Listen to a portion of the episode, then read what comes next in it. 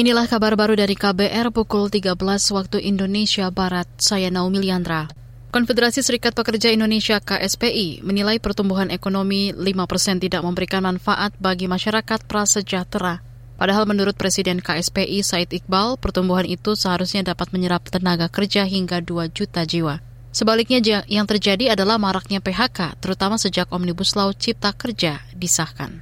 Kenaikan upah minimum yang murah tanpa melalui mekanisme perundingan melanggar konvensi ILO 98 nomor 98. Penggunaan outsourcing seumur hidup, karyawan kontrak tanpa periode, tidak ada kepastian upah bagi buruh yang mengambil cuti haid dan cuti melahirkan, juga melanggar konvensi ILO nomor 98. Presiden KSPI Said Iqbal mencatat beberapa perusahaan yang melakukan PHK massal, antara lain PT Nikomas Gemilang dengan total PHK lebih dari 3.200 orang, yang menilai Permenaker tentang pengupahan menyebabkan daya beli buruh menurun karena ada pemotongan upah saat pandemi COVID-19.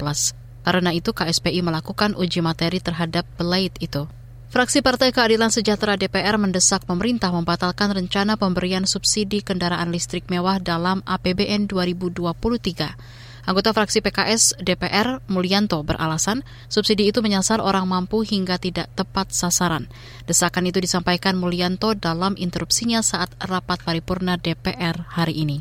Bahwa kami mendesak pemerintah untuk tidak memberi subsidi untuk pembelian kendaraan listrik subsidi untuk pembelian kendaraan listrik yang merupakan barang mewah pribadi ini melukai rasa keadilan masyarakat karena ditujukan untuk mereka yang mampu. Anggota Komisi Energi DPR Mulyanto mengatakan alokasi APBN semestinya diprioritaskan untuk subsidi bagi masyarakat prasejahtera, semisal penyaluran subsidi pupuk, subsidi energi hingga subsidi tarif komuter lain. Selain itu, Mulyanto mendorong pemerintah transparan hingga anggaran subsidi kendaraan listrik pada APBN 2023 harus melalui pembahasan di komisi terkait.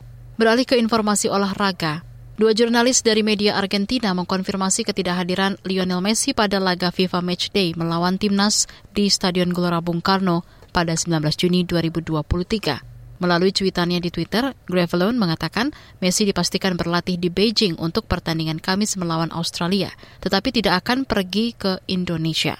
Sementara itu, jurnalis ESPN Argentina Paraiso menguatkan absennya Messi. Meski begitu, Persatuan Sepak Bola Seluruh Indonesia PSSI memastikan minat supporter masih sangat tinggi untuk menonton timnas versus Argentina.